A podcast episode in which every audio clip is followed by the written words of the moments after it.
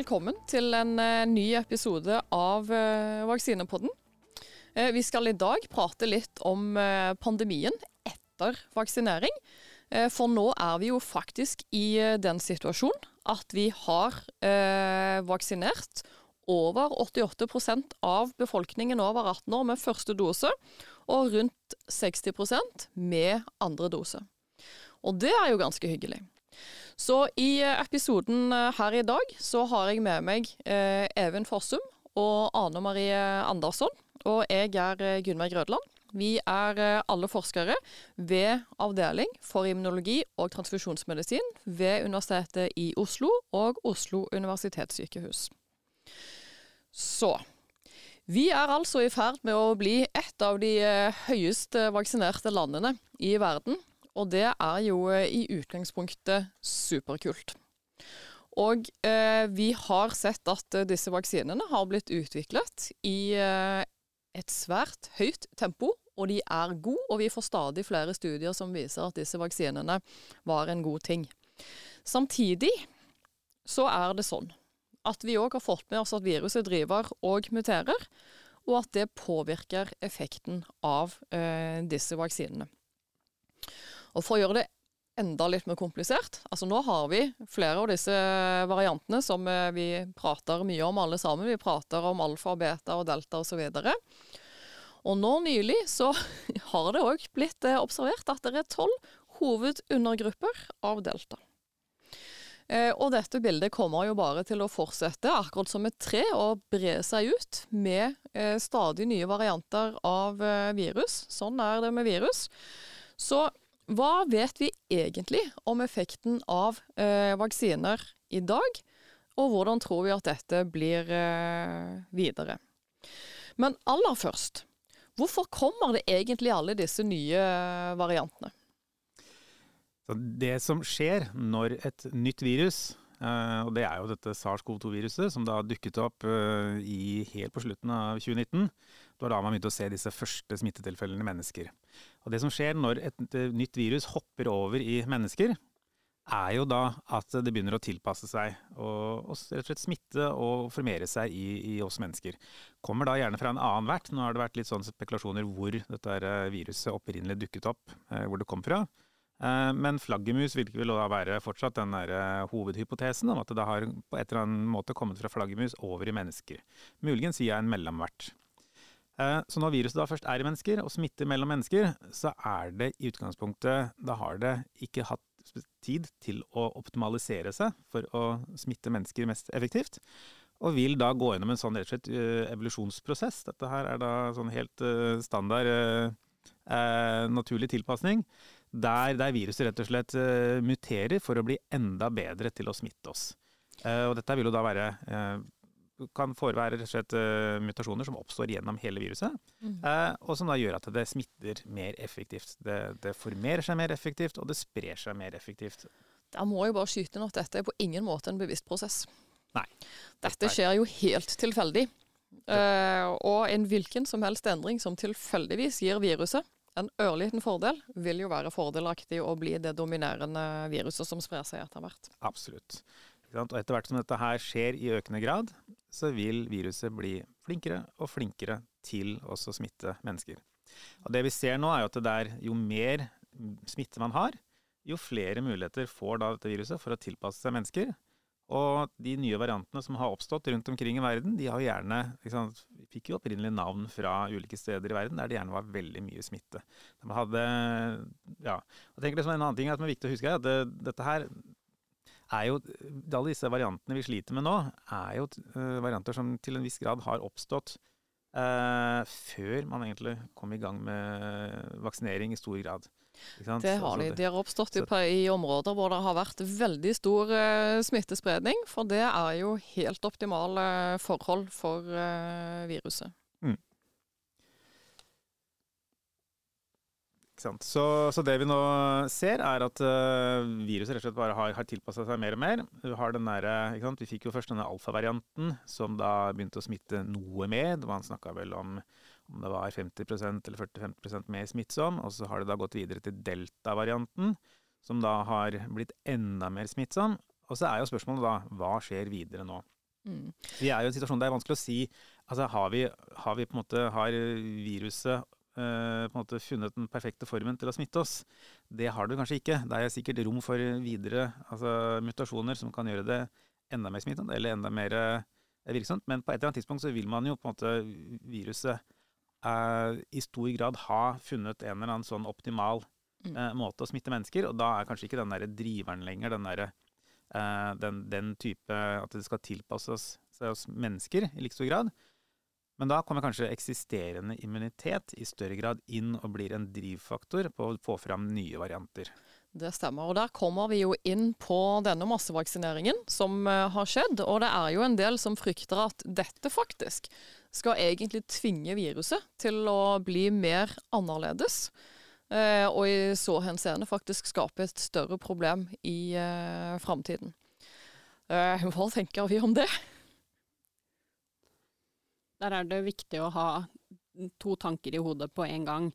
Eh, fordi at som Even jo så fint sier, så eh, jo flere som blir smittet, jo større er sannsynligheten for at viruset har mulighet til å eh, utvikle seg i, i, hver enkelt person som er blitt smittet, egentlig, og i en befolkning med mange som er smittet.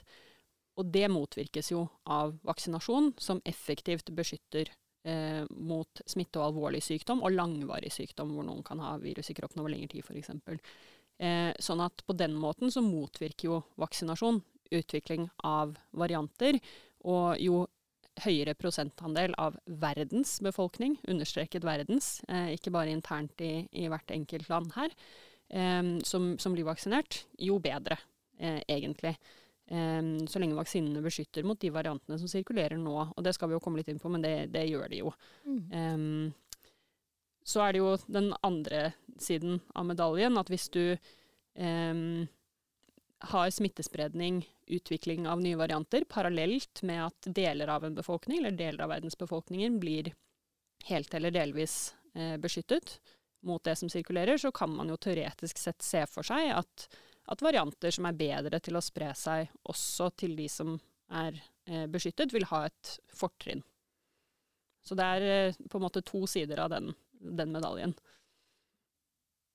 Dette er jo på en måte noe vi egentlig kjenner til fra influensa, disse årlige influensasesongene, der det er en viss uh, immunitet i befolkningen, uh, enten da via tidligere smitte eller vaksinasjon. Og du da får en sånn gradvis utvikling av influensavirus fra sesong til sesong. Der da viruset prøver å omgå eksisterende immunitet. Så det er ikke utenkelig at vi ender opp i en lignende situasjon med disse koronavirusene. Fordelen med det er at det, det trenger ikke nødvendigvis å ha noe veldig stor innvirkning på hvor farlig viruset er. Det vil på en måte prøve å endre seg kanskje litt for å omgå eh, disse antistoffene man allerede har laget. Uten at det nødvendigvis trenger også å føre til at viruset blir så veldig mye mer smittsomt eller farlig av den grunn. Har på en måte viruset først optimalisert seg for å smitte mennesker, så er det på en måte en sånn litt begrenset i forhold til hvor mye mer det kan endre seg for å fortsatt være smittsomt. Altså det, det, står på en måte ikke fritt, dette viruset, til å endre seg i alle mulige retninger hele tiden. Det er fortsatt visse sånne eh, elementer som må være der. Altså, det Overflateprotein må fortsatt ha en viss struktur. Det er visse komponenter her som må binde til cellene våre. Så det er en begrensning der også i forhold til hvor stor grad viruset kan, kan endre seg. Ja, og Det er veldig viktig, Even, for det er viktig å huske på at en like stor andel av mutasjonene som uh, inntreffer, faktisk uh, tar og gir mutasjoner som forverrer virusets evne til å overleve. Og de virusene forsvinner jo ganske pent ut av seg selv. Ja, og det er jo eh, et viktig poeng når man begynner å snakke om eh, hvor godt virker disse vaksinene mot ulike varianter. tilbake til det som vi har snakket om mange ganger på denne podkasten tidligere, helt fra vaksinene begynte å bli utviklet. Hva er det egentlig som er målet med vaksinasjon? Eh, og målet kan jo være mer enn én ting. Det ene kan være å forhindre all sykdom, alle symptomer, eh, stoppe infeksjon fullstendig. Men et annet og kanskje like viktig mål eh, i en situasjon hvor vi har et virus som nok kommer til å sirkulere over tid, i forskjellige varianter og utvikle seg, er jo å beskytte mot alvorlig sykdom. Mm. Eh, og sykehusinnleggelser hos alle, men særlig hos, hos risikogrupper som kan bli eh, alvorlig syke og dø av det. Det er et uh, veldig viktig poeng, uh, og kanskje spesielt viktig å tenke litt over når man ser i media at det kommer stadig nye oppslag om at uh, vaksinene har nå bare en effekt på 30% etter første vaksinering, eller så og så mye redusert etter første og andre, og antistoffene forsvinner. Men hva Vaksinene er jo fortsatt veldig gode. og hvorfor kan vi egentlig hevde det, gitt disse tallene? Altså det vi har sett, er jo uh, at vaksinene fortsatt beskytter bra mot alvorlig sykdom. Og det er som Ane sier her, at det er kanskje det viktigste elementet. Og så har vi sett, sant, som vi sier, altså det er en reduksjon i beskyttelse mot smitte med denne delta-varianten. og at den der kanskje beskyttende effekten avtar noe over tid. Sant, som samsvarer da med at altså rett etter vaksinasjon så får man en, en god dose med kanskje spesielt antistoffer, som uh, kanskje i større grad på en måte forhindrer denne første smitten. Uh, og disse avtar noe med tid. Uh, det er fortsatt en forholdsvis brukbart nivå der etter et halvt år, men det er lavere enn rett etter. Og det på en måte samsvarer litt med at man også får en økt sannsynlighet for å bli smittet. Men om enn så lenge så ser det også i hvert fall ut som at uh, vaksinen beskytter godt mot alvorlig smitte. Mm. Eh, det kan være noe reduksjon der også, over tid. Selvfølgelig, Litt av den situasjonen vi står i akkurat nå, er jo også at eh, de som ble vaksinert først, eh, mange steder i verden, altså spesielt Norge, det var kanskje de som var mest utsatt. Her har man vaksinert de eldste eh, som var mest utsatt for smitte. Mm. Og vi vet jo fra før at eldre gjerne responderer noe dårligere eh, på vaksiner. Uh, og det kan være historie, altså, det er der man kanskje nå begynner å komme borti den der risikoen med at uh, avta, altså beskyttelsen avtar noe, mm. og at de kan bli smitta på nytt. Og der, der, kommer jo hele den, der, den tanken med altså kanskje at det gir en boosterdose til den eldste befolkningen. Rett og slett for å få opp beskyttelsen hos de. Uh, men det er langt fra sikkert at alle trenger det. Mm. Det jeg tenker òg er ganske viktig å presisere, er at det er ganske stort fokus på antistoffer. Eh, og det er selvsagt viktig at eh, vaksinene kan indusere antistoffer, men når vi lager vaksinene, så er egentlig hovedpoenget å danne hukommelsesceller. Det vil si at Hensikten med vaksinene er ikke å sikre at du skal ha antistoffer kontinuerlig i sera. Du skal få danna hukommelsesceller som ligger klar den dagen du faktisk blir eksponert for viruset, og da startes en ny produksjon både av antistoffer og T-celler som faktisk vil beskytte deg. Sånn at det vi, alt det vi har av data, tilsier at man får danna gode hukommelsesresponser etter vaksinering. Og de responsene de har òg veldig entydige data på at de responsene hjelper, som dere har vært inne på, å beskytte oss mot alvorlig sykdom. Eh, hvis du ikke har antistoffer i seeret akkurat når du blir smitta, så kan det være at du faktisk blir smitta og får noen milde symptomer, men hukommelsesresponsene rydder opp. Eh, og det er eh, interessant nok et eh, bilde som holder seg, enten du ser i Norge eller Storbritannia eller USA eller Israel. Eh, for nå har det jo kommet en del rapporter fra ulike land, og vel, tallene på effekt og det spriker litt fra land til land. Eh, men det som jo eh, faktisk er eh, litt interessant akkurat nå, tenker jeg, og som eh, vi ikke har en god forklaring på ennå, det er vel at i Israel så ser man faktisk en økning i antallet syke, sykehusinnleggelser eh, som stemmer overens med antallet eh, tilfeller. Altså det er en lineær sammenheng mellom disse. Eh, motstykket er i Storbritannia, hvor du ser at det er en økning i antallet smitta. De har òg eh, samme situasjon som oss i noen grad, at folk begynner å komme tilbake til et normalt eh, hverdagsliv. Men likevel så ser de effekten av vaksinen ved at de har relativt stabilt tall på sykehusinnleggelser. Og i Norge så ser vi jo det enda tydeligere. Så er det det at Israel ligger foran oss, eller hva er forklaringene her? Hva er potensielle forklaringer her? For her har vi jo ikke løsningen ennå. Ja, man kan jo um, spekulere litt i det, da. Um, det er jo uh, en del forskjeller på Storbritannia og Israel som, som kan trekkes frem. Israel uh, jo, var jo det landet som fikk vaksinert og fullvaksinert en stor del av befolkningen sin veldig tidlig. Sånn at det har gått sannsynligvis noe lengre tid fra, fra vaksinasjon eh, og frem til den smittebølgen som de har nå, eh, enn i Storbritannia og Norge f.eks. Eh, I Israel så har de også stort sett vaksinert med Pfizer. Eh, mens i Storbritannia så har de brukt flere forskjellige vaksiner, inkludert eh, AstraZeneca. Um, så det kan på en måte være potensielle forskjeller. Og så kan det også være forskjeller i eh, hvilke smittevernstiltak som har vært i effekt eh, i de to landene. I Israel så er det vel så vidt jeg vet sånn at eh, over tid nå har vært veldig få eh, tiltak på, på, samfunnsnivå som kanskje potensielt kan, kan, øke smitten til flere grupper.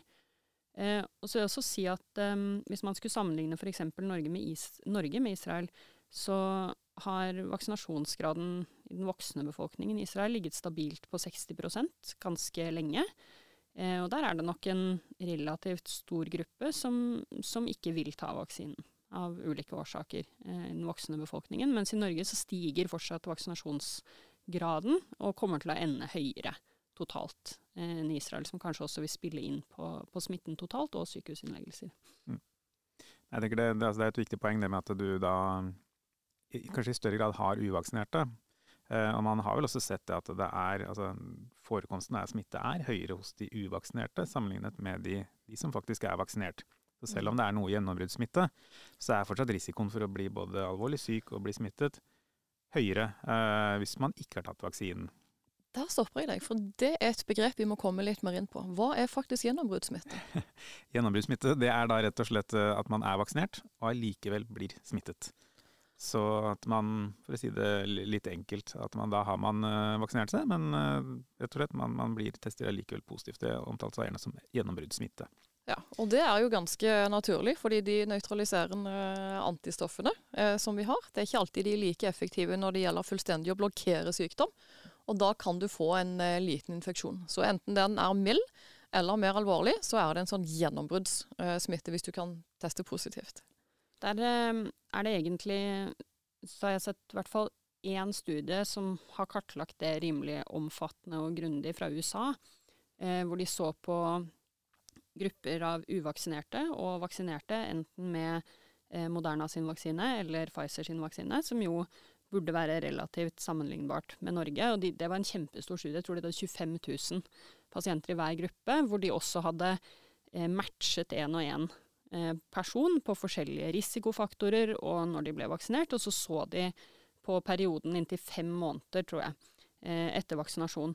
Og der var det helt tydelig at graden av eh, gjennombruddssmitte, altså smitte med covid i det hele tatt, var vesentlig høyere hos de uvaksinerte, men at den økte litt gradvis jo lenger vekk man kom fra vaksinasjonstidspunktet, også hos de som hadde fått eh, disse mRNA-vaksinene. Men det de også understreket, var at beskyttelsen mot alvorlig sykdom og sykehusinnleggelse holdt seg veldig godt etter, etter vaksinasjon. Um, sånn at det understreker jo på en måte det vi har sagt til nå, at uh, selv om man kan bli smittet uh, når man er vaksinert, så, så er det viktig underliggende beskyttelse mot alvorlig sykdom og død. Og det holder seg. Det holder seg. Og nå er vi jo der i eh, Norge akkurat nå. Hm. At vi har en, eh, skal vi kalle det en liten smitteøkning, for å være litt eh, hyggelig og forsiktig. Og hva gjør vi med det? Jeg ser at det er en del som er bekymret for det, og jeg det selv òg. men det jeg òg tenker, at det ikke er helt opplagt hvordan man skal håndtere den smitteøkningen som vi faktisk nå ser i Norge, i en befolkning som er så godt vaksinert som det vi faktisk er på dette tidspunktet. Eh, det er et kjempedilemma. Eh, og det er én ting som er eh, helt opplagt. Det er at vi kan tåle noe smitte når vi faktisk er såpass godt beskytta. Det går fint. Spesielt lokale utbrudd. Det har vi lite problemer med. Men hvor går den grensen? Når blir smittespredningen faktisk et problem? Fordi jeg tenker det er like opplagt at vi bør ikke ha noe ukontrollert smittespredning i samfunnet. Det kan man jo se at såpass enkelt som Hvis vi antar at vaksinene er sånn 97% effektive, eh, så vil det si worst case at du kan få tre sykehusinnleggelser hvis du har 100 vaksinerte. Hvis du tar og Veldig, veldig forenkla. Eh, men hvis du tar i stedet og har smittespredning og får 1000 eh, smitta, så vil jo tilsvarende tallet være 30 som kan bli syke. Sånn at uansett hvor effektive vaksinen er, jo flere som blir eksponert for smitte, jo flere vil helt naturlig bli syke. Så hvor går eh, denne grensen? Eh, skal vi la dette kjøre, sånn som jeg tror de har lagt opp til nå i Storbritannia, eller skal vi rett og slett prøve å holde en viss kontroll? Ja, nå er vi jo på et tidspunkt hvor det er eh, smitterekorder igjen, med daglig antall nysmittede sammenlignbart med i mars. Eh, og sånn som det ser ut nå, så kommer det nok til å eh, øke mer, eh, tror jeg. Og, men de som blir smittet nå, er jo den, først og fremst den yngre uvaksinerte befolkningen. Og de aller fleste av de som er innlagt på sykehus nå, som er relativt få sammenlignet med smittespredningen i samfunnet for øvrig, iallfall foreløpig. Um, så er de fleste av de uvaksinerte også. Um, noen vaksinerte, men de fleste er uvaksinerte. Mm. Eh, og vi vet jo allerede at alder er en viktig risikofaktor for mer alvorlig sykdom. Eh, så man vil jo forvente mye færre sykehusinnleggelser med smittespredning i den unge befolkningen. Så det er på en måte eh, det første. Kanskje ikke helt uventet med den åpningen av samfunnet som man har hatt, åpning av skoler på grønt nivå, for viruset er veldig smittsomt. Det er veldig smittsomt, og her tror jeg ikke det eksisterer en fasit for hva man faktisk bør gjøre. For hvis vi prøver å se på erfaringer fra andre land, så spriker de litt i forskjellige retninger, som vi har vært inne på. Eh, men et eller annet sted imellom full nedstengning og helt frislipp. Det er opplagt at vi bør havne et eller annet sted imellom. Men uh, hvor den grensen går, det ja. Det er jo tydelig at uh, både Folkehelsa og Helsedirektoratet har jo da skiftet litt sånn fokus fra da antall smittetilfeller til antall innleggelser. Altså sånn så lenge Og der er vel konklusjonen i hvert fall så langt at uh, det ikke er noe sånn spesielt uh, Altså det er ikke foreløpig noe fare for at uh, sykehusene skal bli overbelasta sånn som situasjonen ser ut nå. Altså, som du sier, det kan jo endre seg. Det, det vil jo være, altså Jo flere som blir smittet, som du sier, jo da vil det alltid være noen som blir alvorlig syke.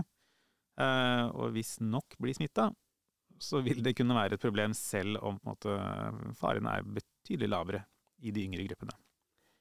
Husker tilbake til helt, helt i begynnelsen av denne pandemien globalt, i mars, eh, mars 2020, når man sånn virkelig begynte å ta eh, situasjonen alvorlig verden over, eh, så var jo måte, det initiale slagordet var jo 'flattening the curve', mm. eh, som nettopp handlet om at man måtte avflate spredningen for å forhindre at helsevesenet ble overbelastet.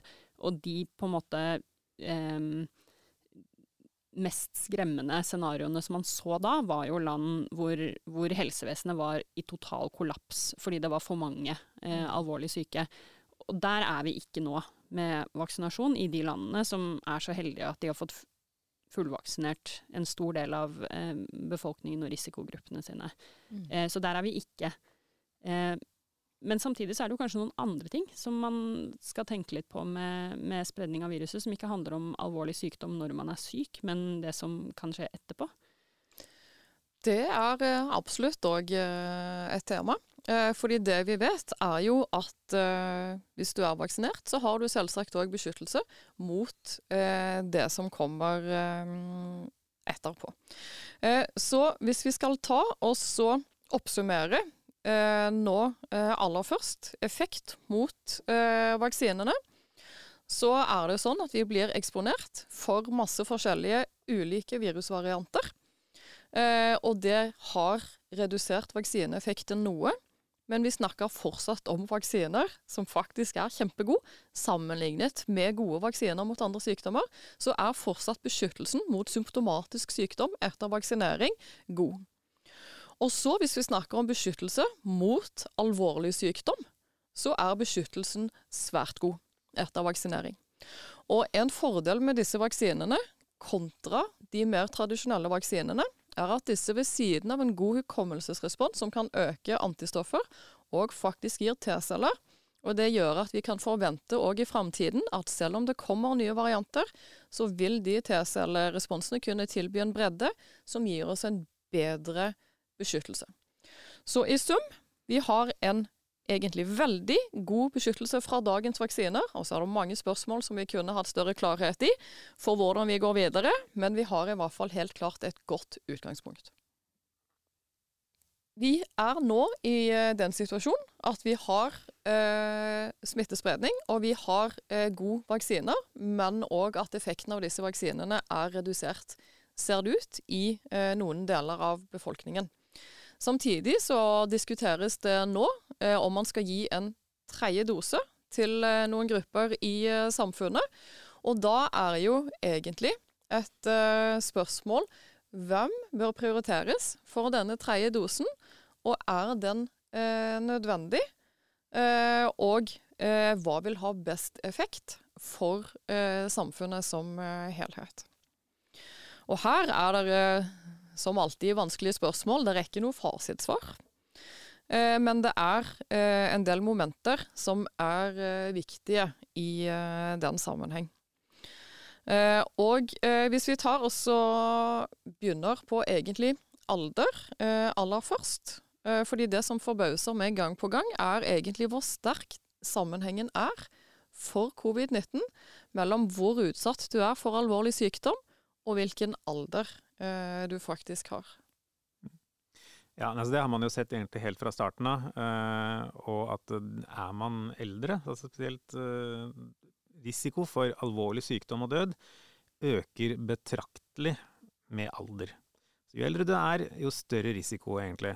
Og hvis man da tar utgangspunkt i Dette er vel noe tall fra USA, som da CDC har eh, offentliggjort, Center for Disease Control, uh, så ser man da at hvis du tar en sånn referansegruppe på rundt 18-30 år, setter det som utgangspunkt, så øker altså risikoen for alvorlig sykdom for de som da er i aldersgruppe 75 til 84, med ti ganger omtrent, altså ni-ti ganger mens risiko for død øker altså med 230 ganger. Eh, og det er da aldersgruppe over 75. Hvis man går over 85, så er det enda heftigere. Da er det vel da 15 ganger eh, større fare for å bli eh, havne på sykehus, og 600 ganger større fare for å dø av sykdommen. Så dette her er veldig tydelig at det er en veldig klar alderssammenheng eh, her mellom eh, ja, rett og slett alvorlig sykdom og død fra, fra covid-19. Og da er jo spørsmålet, som, som, du er inne på, altså, er du bedre tjent da med å prøve å beskytte de? Uh, rett og slett ved å vaksinere, f.eks. om du tar alle over 60, da. Mm. Uh, eh, 65. Gir de en tredje dose for å holde, sørge for at de ikke blir alvorlig syke, kontra å gå nedover i alder. Uh, for å på en måte forhindre smittespredning. Ja, det er jo to muligheter. Og den tredje er jo selvsagt å prioritere å redusere smittespredning internasjonalt. Eh, som òg vil ha en effekt. Tingen at alle, det, Alt dette er prioriteringer. Eh, vi har knapphet på et eh, gode i samfunnet.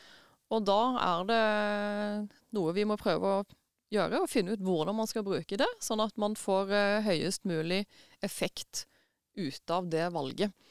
Og da er det veldig Hvis man begynner med å se eh, på Norge aller først, så tenker jeg en av de tingene jeg veldig gjerne skulle ha visst eh, mer om, hvis vi ser isolert på Norge, eh, er at jeg skulle ha visst mer om hva som egentlig skjer med covid-19 i barn. Eh, fordi det har vi eh, veldig lite data på. Det er veldig tynt datasett. Eh, sånn at det vi har, peker ganske entydig i retning av at for den store majoriteten av barn så vil infeksjonen med SARS-CoV-2 det vil være noe som for de aller fleste faktisk gir en asymptomatisk infeksjon, noe de ikke merker. Og for de eh, mange andre rett og slett tilsvarende en mild forkjølelse. Men det er noen barn som faktisk blir alvorlig syke og har problemer over tid eh, med eh, etter en infeksjon. Kan vi finne ut hvem disse barna er?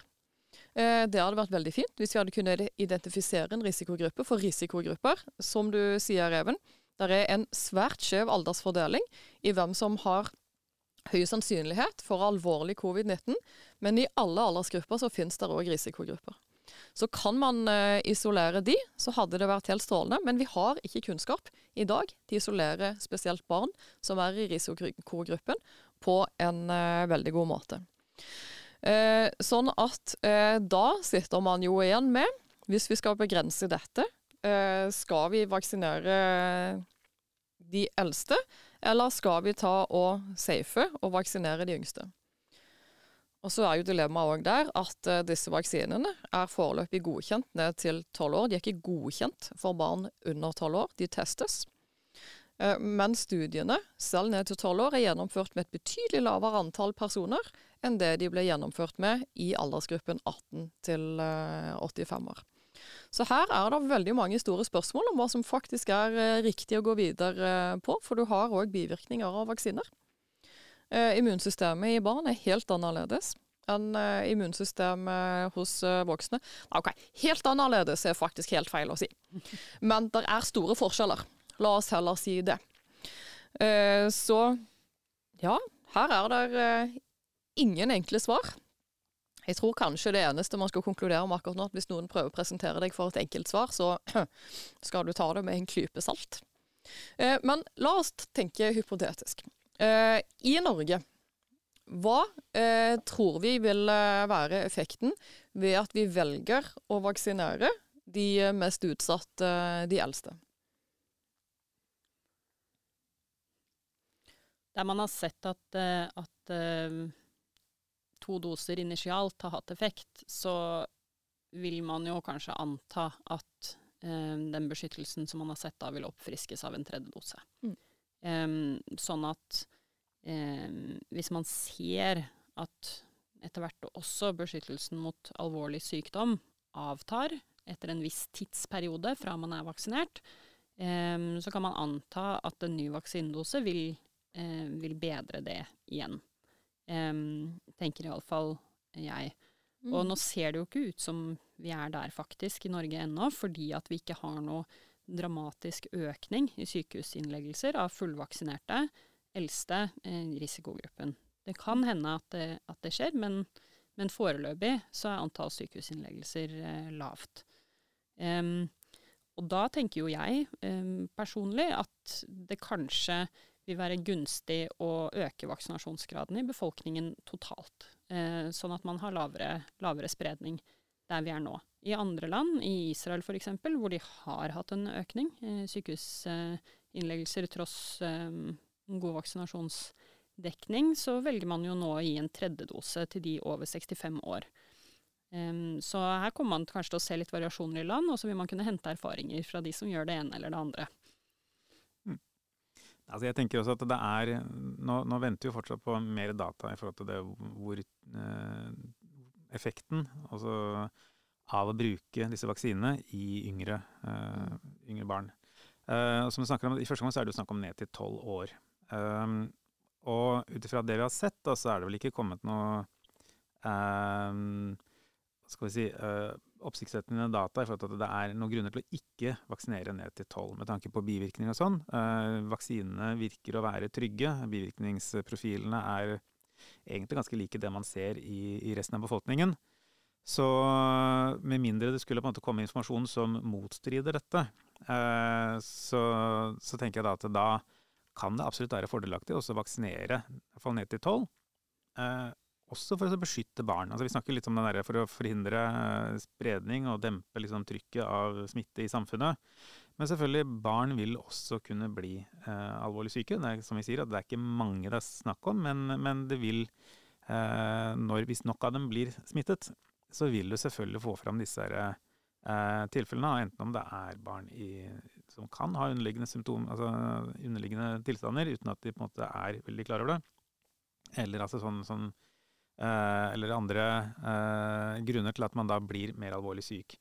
Og for å beskytte den, så tenker egentlig jeg at det kan være en, en klar fordel å også vaksinere ned til tolv, i hvert fall i første omgang. Så får man vurdere videre utover det. Eh, nå skal jo Folkehelse komme med sin eh, vurdering i denne uken her, trodde jeg. Eller mm. faktisk, sånn i forhold til hva, hva, de oppfordrer til. Så får vi se hva det, hva det blir til. Men, eh, men, det er egentlig min tanke at for å, altså for å beskytte barn, så bør vi liksom så fremt at alt peker i retning at disse vaksinene faktisk er trygge, så tenker jeg at det kan være hensiktsmessig å vaksinere barn. Så er det jo sånn at uh, hvis man bare ser på vaksiner generelt, så er jo vaksinasjon av barn det vi først og fremst gjør Mm. globalt i barnevaksinasjonsprogrammet. Em, på noen måter så er jo eh, massevaksinasjon av voksne mer nytt enn massevaksinasjon av eh, barn.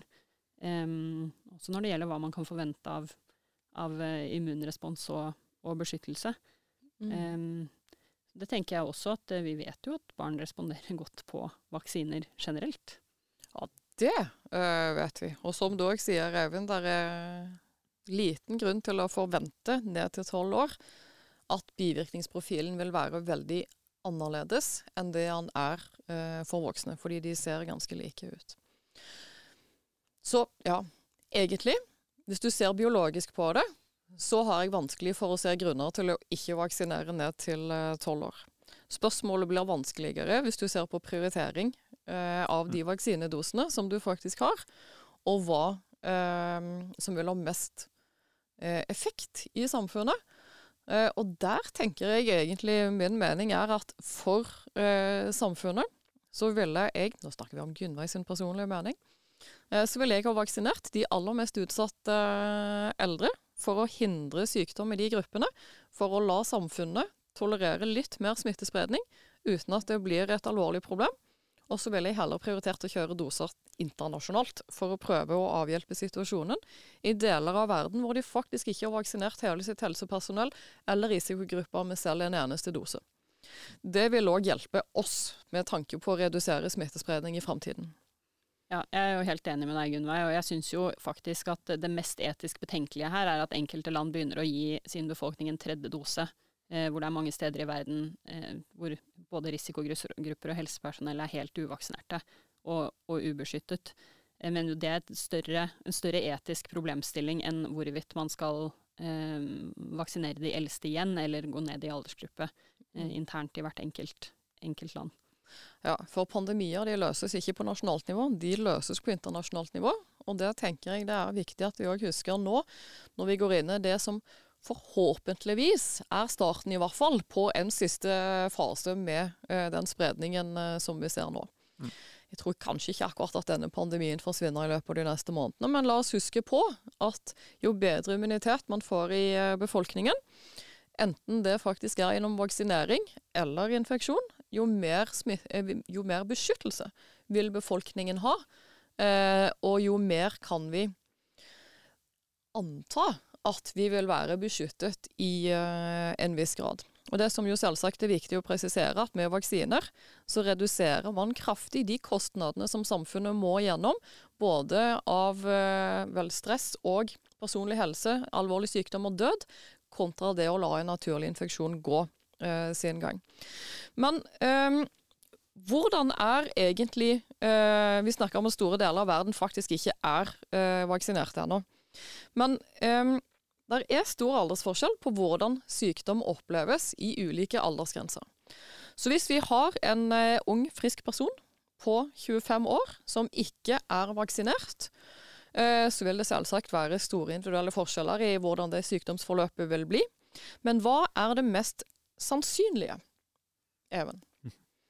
Nei, altså Hvis du er ung og frisk, så har du gode forutsetninger for å bli lite syk. Og da snakker man sånn forkjølelsessymptomer, egentlig. Det er vel egentlig tørrhoste, feber, trøtthet. Det, kan være, det er vel litt typiske symptomene. Så kan det være andre mer sånn, sånn, symptomer som varierer litt. Det kan være altså, mageproblemer, sånne type ting, som, som også oppstår. Men uh, det er egentlig en sånn type forkjølelseaktig følelse. Og, og, det er jo mange, altså det er kanskje litt av problemet med denne pandemien, er at det, eh, en del får veldig milde symptomer. Mm. Og da kanskje formidler det videre om at dette her er uh, Dette var ikke noe problem i det hele tatt, fordi man kjente det knapt. Og så er det andre da som havner på sykehus og skal, må på respirator. Sånn at den der spennet er enormt i forhold til hvor, hvordan sykdommen slår ut. Mm. Hvis vi tenker oss en person på 75 år da, som eh, ikke er vaksinert og blir eh, infisert med SARS-CoV-2, har det et annerledes eh, forløp enn denne 25-åringen Anne? Ja, altså de fleste eh, eldre får jo også mildere sykdom. Det er jo ikke sånn at hvis du er over 75, så blir du automatisk så alvorlig syk at du må legges inn eh, på sykehus av covid heller. Men jo flere risikofaktorer du har, jo eldre du er, eh, andre sykdommer i tillegg, eh, hjertesykdom, lungesykdom, kanskje man bruker noen typer medisiner eh, som kan øke risiko, særlig medisiner som demper immunforsvaret, og sånn som det, jo, jo, jo høyere er risikoen for at du blir mer alvorlig syk. Og de som blir alvorlig syke, de blir jo alvorlig syke først og fremst fordi de får en infeksjon som setter seg dypere ned i lungene og gir en lungebetennelse, som gir problemer med eh, oksygentilførselen til, til, blodet. Og hvis den blir lav nok, og man puster fortere og fortere uten å på en måte få, eh, få nok oksygen eh, over i blodet, så må man jo legges inn eh, for å få oksygen og annen eh, behandling i tillegg. Mm. Eh, og så er det jo de hvor det går så langt Kanskje særlig hvis man har andre sykdommer i tillegg, som alltid kan bli forverret av en infeksjonssykdom, covid-19 eller annet. Eh, hjertesykdom, nyresykdom, annen lungesykdom. Um, hvor det kan gå så langt at på en måte eh, lungefunksjonen kollapser, og man får en pustesvikt eller en respirasjonssvikt og, og må legges på, på respirator. Mm. Det er på en måte gradene, og det er jo sjeldent, egentlig, at, at, det kommer dit. Men jo eldre man blir, og jo flere risikofaktorer som spiller inn, jo mer øker sannsynligheten for at det kan skje. Ja, For de fleste som legges på sykehus, de har relativt kortvarige opphold på sykehus. Hva er på en måte det typiske der? Det typiske er jo at, uh, at altså man kommer inn, og så blir man lagt inn uh, fordi at man har tegn til eh, dårlig oksygenering av blodet, egentlig, og at man trenger støttebehandling i form av oksygen. Eh, og så får man det, og så skrives man ut igjen eh, når det er gjort, for det kan man ikke gjøre hjemme, ikke sant. Mm. Så det er på en måte et, et litt mer sånn typisk sykehusinnleggelsesforløp. Men så er det jo noen som, som plutselig blir akutt mye dårligere. Så man ser jo etter tegn, tegn, til det når noen skal legges inn, om man eh, puste veldig fort, f.eks. Um, og at man raskt kan bli dårligere og burde være på sykehus for at det skal fanges opp. Mm. Ja, det, ja, Jeg tror kanskje alle har nesten en individuell opplevelse av hvordan sykdommen fortoner seg i akkurat meg når det gjelder eh, covid-19. Nå har ikke jeg hatt den selv, så jeg skal ikke si hvordan det kunne ha artet seg. Men det er stor spredning i hvordan man opplever det. Um, men de aller fleste blir jo heldigvis uh, friske, uh, hvis man kan si det, uh, etter en relativt kortvarig infeksjon. men nå har det etter hvert kommet òg fram at selv om du har gjennomgått en relativt mild infeksjon med SARS-CoV-2, så vil du faktisk kunne kjenne etterdønningene en eh, ganske lang tid etterpå. Eh, og nå eh, ble det nettopp faktisk publisert, ok, en uke eller to siden, en artikkel som er laget av forskere ved Universitetet i Bergen, og som ble publisert i Nature Medicine. Og når jeg framhever det, så er det fordi det er ikke så ofte at norske forskere publiseres i Nature Medicine, så det er eh, ganske kult.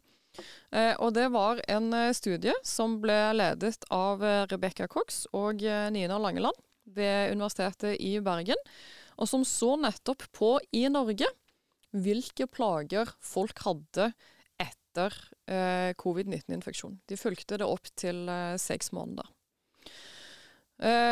og det er jo egentlig ganske interessant lesning. Ja, særlig også når man snakker om effekten av vaksinasjon, ikke bare på alvorlig sykdom, men eh, på eh, langvarige ettervirkninger etter, etter eh, infeksjon. Det ser de jo ikke spesifikt på i den studien, hva som skjer eh, hos, hos, vaksinerte hvis eh, man blir eksponert for virus etterpå, men man kan anta at vaksinasjonen, i og med at det beskytter mot sykdom, også vil beskytte mot alle andre konsekvenser av, av pandemien, eller være i kontakt med viruset. Det er veldig viktig å huske på. Men det som er interessant med den studien, er at de ser jo at det er ganske mange som har en eller annen form for ettervirkning eh, etter også mild covid-sykdom. Ja, Det tallet overraska faktisk meg litt, fordi det var langt flere som hadde symptomer enn det jeg hadde venta så lang tid i etterkant, faktisk. Det vanligste er jo at man fremdeles ikke har fått tilbake eh, lukte- og smakssansen, eller har litt endret lukte- og smakssans seks måneder etterpå. Men kanskje, og det er jo eh, på en måte eh, kanskje alvorlig nok i seg selv for de enkeltpersonene det gjelder. Eh, men eh, kanskje mer eh, av de mer alvorlige tingene som de finner, så finner du at det er en del som sliter med tretthet og utmattelse. Eh, var vel rundt 20 av de de hadde fulgt opp. Eh, at det er en del som fremdeles sliter med å være tung i pusten, eller kortpustet andpustenhet. Eh, og at eh, sånn 11-13 hadde eh, hukommelsesproblemer og oppmerksomhet, konsentrasjonsproblemer, som ikke er et helt ubetydelig antall, egentlig, når man snakker om unge mennesker med mild sykdom. Mm. Altså, totalt så var det vel altså, over, faktisk over halvparten rapporterte en eller annen form for senvirkning eh, seks måneder etter smitte. Så Det er jo på en måte en ganske god stund etter smitte, der man fortsatt er preget av sykdommene. Eh, til tross da, som du sier, liksom, for at, at, man hadde en ganske mildt sykdomsforløp. Eh, og det er jo, når man begynner å gange dette her opp da, med hvor mange som blir smitta, så det, kan det bli veldig mange mennesker. Sånn, uh, så det er jo selvfølgelig kan være en kjempeutfordring i forhold til hvordan man skal håndtere dette her. Og, og vil kunne påvirke veldig mange mennesker. Også hvis man lar, måte, har mye smitte i samfunnet, så er så er det konsekvenser utover bare det at eh, folk er syke der og da. Eh, og det vil jo selvfølgelig være en belastning på de det gjelder, og det vil også være en kostnad. For man, hvis folk da ikke kan komme seg tilbake i fullt arbeid, eh, og vil trenge behandling over tid Alt sånn er jo selvfølgelig en, en ekstra belastning på samfunnet. Nå er det vel altså de, så, de så jo også litt på dette med alder. og liksom når, hvem er det som er mest utsatt for for disse ettervirkningene. Og kan si heldigvis, da, så er det lavere. Altså de som er yngre, har mindre sannsynlighet for å ha disse eh, ettervirkningene over tid. Så der var det vel eh, De så på de som var 15 år eller yngre. Der var det 13 som da rapporterte å ha en eller annen form for ettervirkning eh, over tid. Nå er dette basert på forholdsvis få tall, Eh, så lite antall eh, personer, så man kanskje skal være litt forsiktig med å trekke de helt store konklusjonene her. Men, eh, men heldigvis kan man si at det er forekomsten av disse ettervirkningene er lavere også blant de som får barn, som da generelt sett får mildere sykdommer. Mm. Og det var vel kanskje òg litt eh, forskjell på hvilke symptomer som var mest dominerende i de yngre gruppene kontra de eldre. Eller i hvert fall var det noe eskalering der, var det ikke det? Det var vel litt, litt høyere forekomst av, av um, um, Særlig det som handlet om um, utmattelse og, og, og, sånn som det hos, hos de eldre. Uh, men som Even sier, så var det veldig få da, under 15 år mm. som var med. Uh, men sånn alt i alt så tenker jeg jo egentlig at hovedkonklusjonen som man må trekke fra den artikkelen, er at eh, jo flere som er vaksinert, jo bedre. Ja. Eh, fordi at, og også for yngre mennesker som ikke nødvendigvis blir alvorlig syk, syke og skal legges inn på sykehus. Fordi for det første så reduserer det smittespredningen i samfunnet totalt. Eh, og for det andre så reduserer det risikoen for at du kan ende opp i, i den gruppen som får langtidsvirkninger etter å ha vært, vært syk. Mm. Um, og det er vel også det artikkelforfatterne konkluderer med. At uh, vaksinasjon har flere positive innvirkninger enn bare å redusere sykehusinnleggelser. Ja. Og Det som vel òg må trekkes fram, er at etter en influensa eller annen infeksjonssykdom, så har du mange av disse symptomene òg en god tid etter du har vært syk. Men for covid-19 så er de mer langvarige og hyppigere enn det som er vanlig etter uh, andre infeksjonssykdommer. Så det er eh, noe som eh, vi nok finner ut enda mer om i årene framover, men som er eh, ganske interessant. Eh, det er eh, sånn at eh, i Norge så er det ikke bare Universitetet i Bergen som har sett på langtidsvirkninger. Nei, det kom en annen studie her også, publisert denne uka her, offentliggjort fra denne koronastudien, som da ledes av Oslo universitetssykehus. Det er vel Arne Sørås som, som leder den. De hadde sett noe lignende. De, de hadde fokusert på dette med hukommelsesproblemer, rett og slett, etter, etter, smitte. Eh, også mild infeksjon. Altså folk som da hadde vært hjemme. Altså de det er ikke folk som havner på sykehus, men rett og slett folk som har vært smitta og vært isolert hjemme. Og de kom til mye av de samme konklusjonene som det de så i Bergen. At uh, de som hadde gjennomgått smitte, de hadde høyere grad av hukommelsesproblemer. Det var snakk om 11% som rapporterte det. Uh, kontra, hvis du tok en sånn generell, sånn tilfeldig valgt befolkning, så var det nede på 2% Så det er en ganske markant økning i forhold til hvor mange som da rapporterer hukommelsesproblemer etter, etter koronasmitte. Så det er selvfølgelig en bekymring. Og det er, uh, hukommelse er jo alltid greit å ha. Det, det, jo, det kan man jo si. Det er altså noe som uh, altså vil jo på, kunne påvirke deg ganske kraftig. Uh, også når det gjelder livskvalitet og slike ting. Og selvfølgelig også evne til å ja, jobbe, studere, alle sånne ting. hvis man da sliter med det.